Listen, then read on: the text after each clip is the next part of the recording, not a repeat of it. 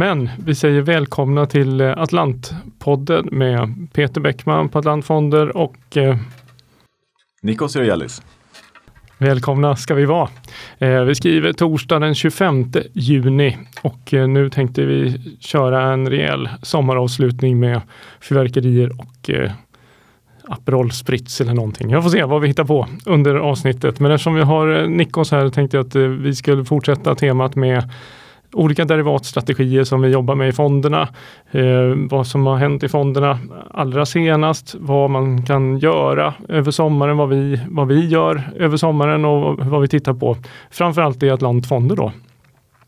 Och eh, om man utgår ifrån eh, den senaste förvaltarkommentaren som kom ut eh, midmonth, eh, juni, 15 juni, så eh, gick ju faktiskt nästan alla Atlantfonder upp trots en svagt vikande börs. Vad säger vi om det Nikos? Ehm, det är ju alltid trevligt. Ehm, det var också kul att eh, eh, eftersom det är en så viktig del i vår, vår förvaltning att ändå alltid arbeta med en sån här kapitalbevarande tes så var det roligt att det slog så väl ut den här gången. Exakt, då har fonderna och förvaltningen fungerat som de ska under den här eh, början på juni som var rätt volatil. Vi har ju sett eh, rejäl eh, börsuppgång sedan stora fallet i mars och sen har det gått lite, lite upp och ner nästan dag för dag här sista tiden. Vad, vad drar vi för växlar på det i fonderna? Um,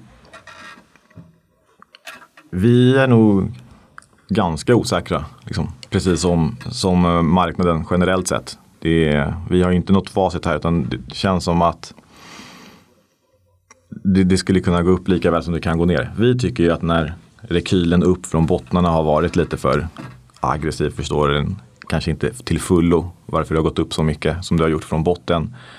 Ehm, men med det sagt så finns det ju teman för både fortsatt uppgång och sen så även risker för, för att det skulle kunna komma en, en andra våg ner. Men vi, hade, vi drev ju längre tesen om att vi trodde att det skulle komma en ny lägre botten. Och den sannolikheten har vi väl fått dra ner på något. Mm. Eh, vi ska försöka koppla det här lite till eh, en, en, ett webbinar som du var med i här också som anordnades av Nasdaq och Nordnet tillsammans som heter En värld eh, av optioner. Yes. Eh, kan du berätta lite om eh, vad hela webbinariet handlade om? Ehm, det, är egentligen, det var ett samarbete mellan eh, Nasdaq och Nordnet när de försöker upplysa och lära ut folk mer om optioner och optionshandel och hur folk kan använda sig av det i sina portföljer. Då var jag inbjuden som en av fyra talare på det här digitala eventet. Ehm, så det var väldigt kul att få komma och berätta. Så berätta lite grann om hur vi arbetar på Atlant och lite strategier och gav lite konkreta exempel. Mm. Och eh, det här, eh, det här webbinariet ska vi såklart eh, lägga ut en länk till på vår hemsida atlantfonder.se. Men för att koppla det här till, till podden och, och, och säga, där gick du igenom ja, några av de strategier eh, som vi använder oss av och, och några som, som vi faktiskt hade på just då också. Och, och eftersom det här var några veckor sedan hur, så vill ju alla veta nu, hur har det gått? Ja, nej men i, i det här webbinariet så visar ju en ett sätt som jag tycker om att arbeta ganska mycket för, i, enligt det. Och det är när, när man har stora rörelser så tycker jag om att försöka hitta en explosiv eh, exponering eller derivatstrategi som kanske ligger åt, åt, åt andra hållet för någon rekyl. Och vi hade en sån på i juni, en, eftersom vi fick från mitten av maj och sen så två veckor framåt så gick ju börsen från nästan tror 1460 upp mot 1700. Eh, och då, där, då var det ungefär två veckor kvar av junilösen och det var den, den optionsstrategi som jag också berättade om här då. Så vi köpte, man kunde köpa en, en putsbredd eh, mellan 1600 och 1550 striken för 5 kronor ungefär. Och den skulle då betala 50 kronor tillbaka om börsen stod i 1550 eller lägre vid lösen. Eh, och det som var det fina här nu då, det var ju att om folk lyssnade och la på den här traden så fick man ju en väldigt fin chans här att ta hem en ganska fin vinst i och med att vi fick en liten minibäs där ner mot 1570 som man hann med innan, innan rekylen och där stängde vi av de här positionerna eh, och gav väl ungefär 500% avkastning. Så det, den, de har också hjälpt till att bidra väldigt fint till, till eh, vår juniavkastning. Så vill man veta mer om eh, hur den här strategin fungerar och hur vi tänker i fonderna och, och, vad det faktiskt blir för, för positioner i, i de derivatpositioner som man tar så eh, ska man helt klart eh, titta på den här ja, absolut. webbinariet. Vi går igenom väldigt detaljerat just i det här caset kring liksom rationalen bakom. Så det, vi behöver inte göra det i, i, i, dagens podd också. Men vill man se det så finns det i den här Nordnet-länken. Ja, eh, och det är den strategin som du kallar för köpa vingar för pengarna. Precis. Ja, där finns en spännande fortsättning och, och klicka på en länk. Eh, du hade ytterligare en strategi du talade lite om där. Eh, ja, jag berättade lite grann om hur man kan använda sig av optioner i, i mer långsiktiga case. Eh, om det var den du tänkte på. Um, och då, då visar jag exempel. Det jag egentligen visar är hur, hur, hur bra det är att äga en option i ett långsiktigt case. Ehm, där du kanske där det är egentligen väldigt bra att ta positioner vid optioner om du har väldigt fel eller väldigt rätt. Och visar att det är egentligen ett mycket sämre alternativ endast i fallet av att det står ganska stilla. Ehm, så då, då, då, gör jag ett exempel med, en, eh, en, en, med att man har en långsiktig positiv syn på, på Ericsson. Och hur, hur vi på Atlant då arbetar med optioner när vi tar, såna tar den typen av positioner. När vi köper en väldigt långdaterad, lite in the money call. Och sen så utfärdar vi för att dra ner teta blödandet i frontmånaden hela tiden och rulla liksom med under hela eh, den långa optionens eh, löptid. Mm. Eh, och eh, som sagt var när man eh, vi pratar Teta och puts och, eller calls här och sådana saker. Då. Vill man veta det tekniska så ska man helt klart titta på, på webbinariet här. Vi gör mycket reklam för det men det, det är därför att mm, det blir en väldigt grundlig genomgång helt enkelt. He, hela det här webbinariet är ju tre timmar någonting. Ja, tror jag. Men, men, du håller på i en halvtimme ungefär och är ganska specifik med vad vi gör på Atlant. Och, och det som är bra här är att det finns det ju eh, en presentation med också så man kan se grafer och bilder och, och på sånt här som, som du talar om. Och en sak som jag tycker är, är jättespännande med det här, det, det, blir ju det här vad som är skillnaden med en, en när en när en eh, stockpicker idag tittar på vad ska marknaden ta vägen. Att man tittar, på, eh, tittar mycket på enskilda bolag och man tittar på de här kvartalsrapporterna som kommer nu vid halvåret om, eh, om ett litet tag och, och, och, och spanar på det. Medan, medan du som, som derivatförvaltare tittar på lite andra eh, saker. Kan du berätta om det i stora drag, vad det, vad det är som skiljer där?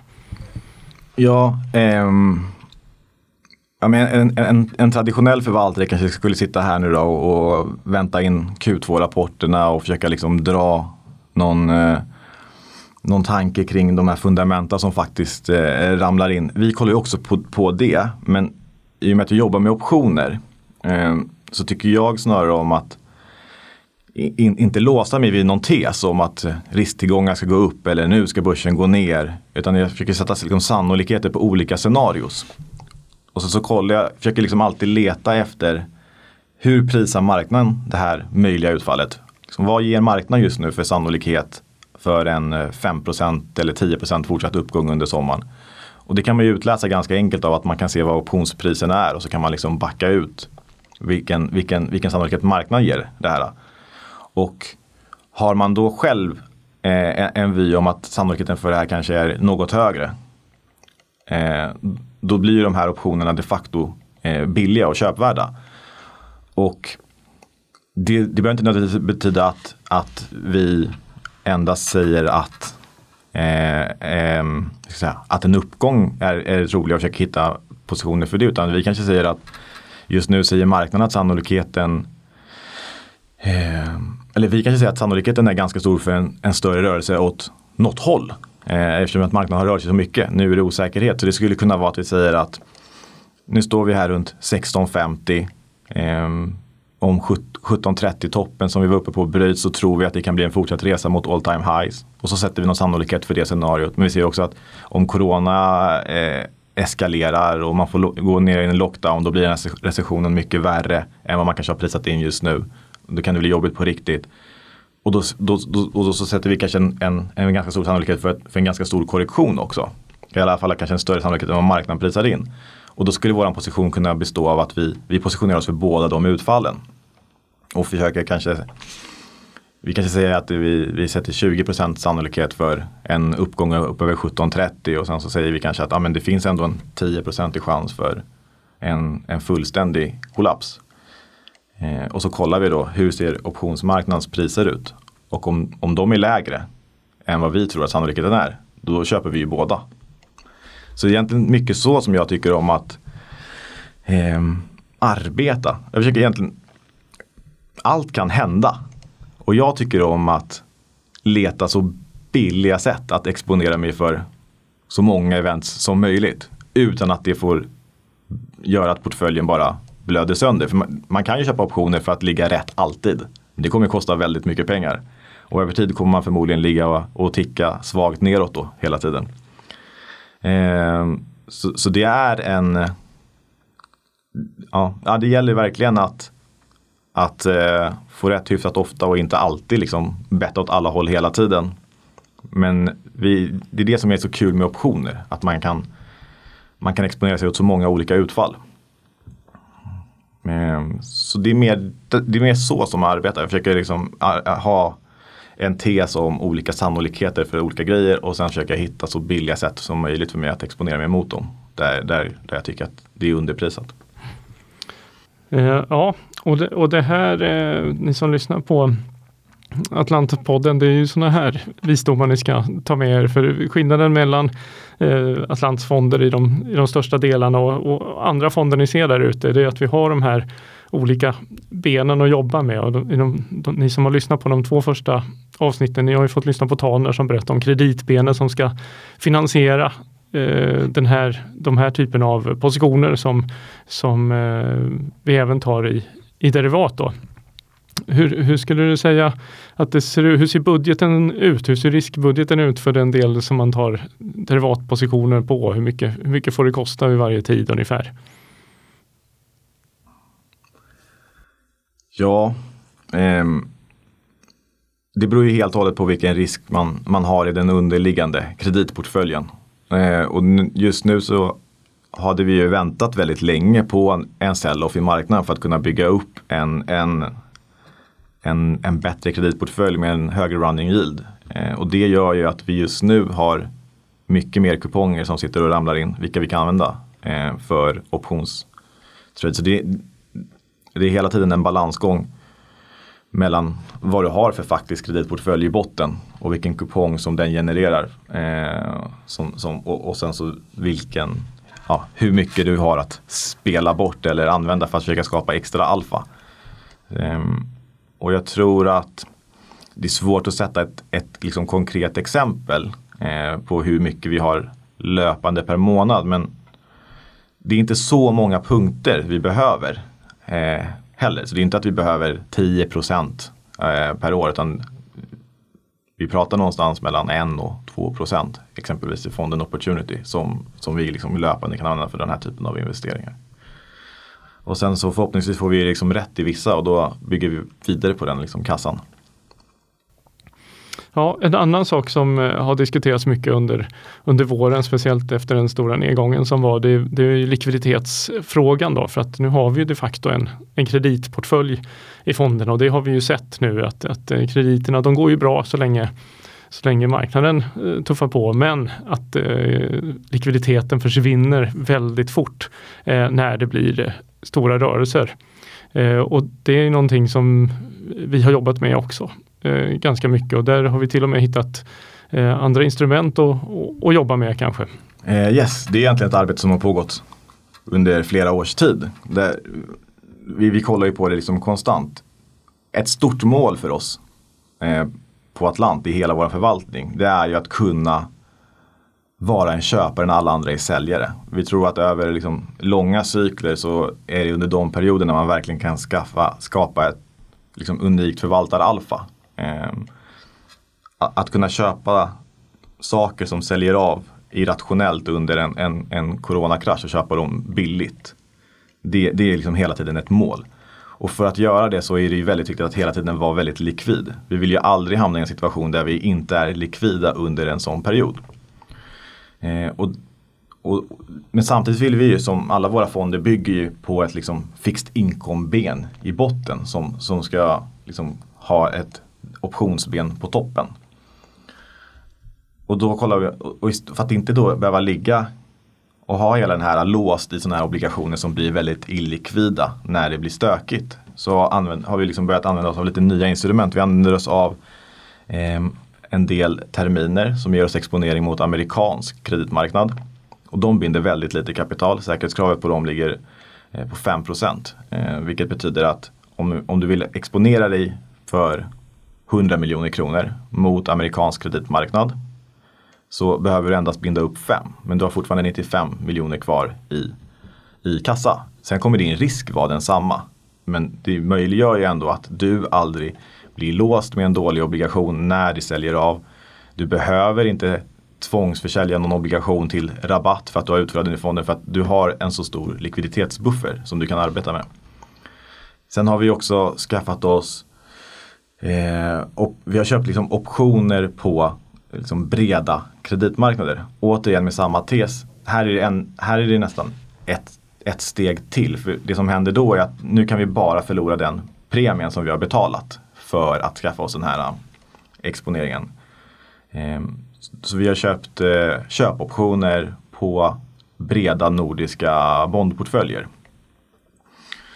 Och det möjliggör ju för oss att återigen exponera oss mot en nordisk obligationsmarknad som vi såg hur illikvid den kan bli. Men vi blir aldrig drabbade av den illikviditeten i och med att vi endast har lagt ut en väldigt liten summa pengar för att exponera oss mot den på uppsidan. Och det enda vi kan förlora är den här lilla premien vi har betalat. Och det kostar kanske nu, nu är det här en option så det blir lite liksom förenklat. Men säg att du skulle vilja ha 100 miljoner kronor exponerat mot eh, nordiska obligationsmarknad i två år. Då skulle det kosta ungefär 3,5 miljoner kronor. Eh, och du kan ju bara förlora då 3,5 miljon kronor även om marknaden skulle gå ner, skulle det gå ner 20 procent och så förlorar du bara 3,5. Ehm, så, så de två instrumenten har blivit eh, en, en viktig beståndsdel och ökad beståndsdel i hur vi bygger upp våra kreditportföljer för att kunna eh, lägga på risk men behålla den här likviditeten som vi alltid vill kunna ha i fonderna. Mm. Eh, då så tänker jag att vi eh, har gått igenom våra 20 minuter. Vi har tittat på hur, hur gick fonderna i början på juni och varför. Eh, vi har gått igenom lite noggrannare med derivatstrategierna där det finns en fördjupning vi har eh, hänvisat till också. Eh, och titta på utvecklingen i de instrument som vi, som vi jobbar med i fonderna. Och det är lite att fundera på under sommaren för alla lyssnare och mer för dem att göra och titta på webbinarium och, och sådana saker. Eh, och sen ska alla komma ihåg att en historisk avkastning är ingen garanti för framtida avkastning. De pengar som placeras i fonden kan både öka och minska i värde och det är inte säkert att man får tillbaka hela det insatta beloppet. Eh, och med de orden så summerar vi det här eh, avsnittet av Atlantpodden och tackar för oss. Tack ska vi ha. Ja, trevlig sommar.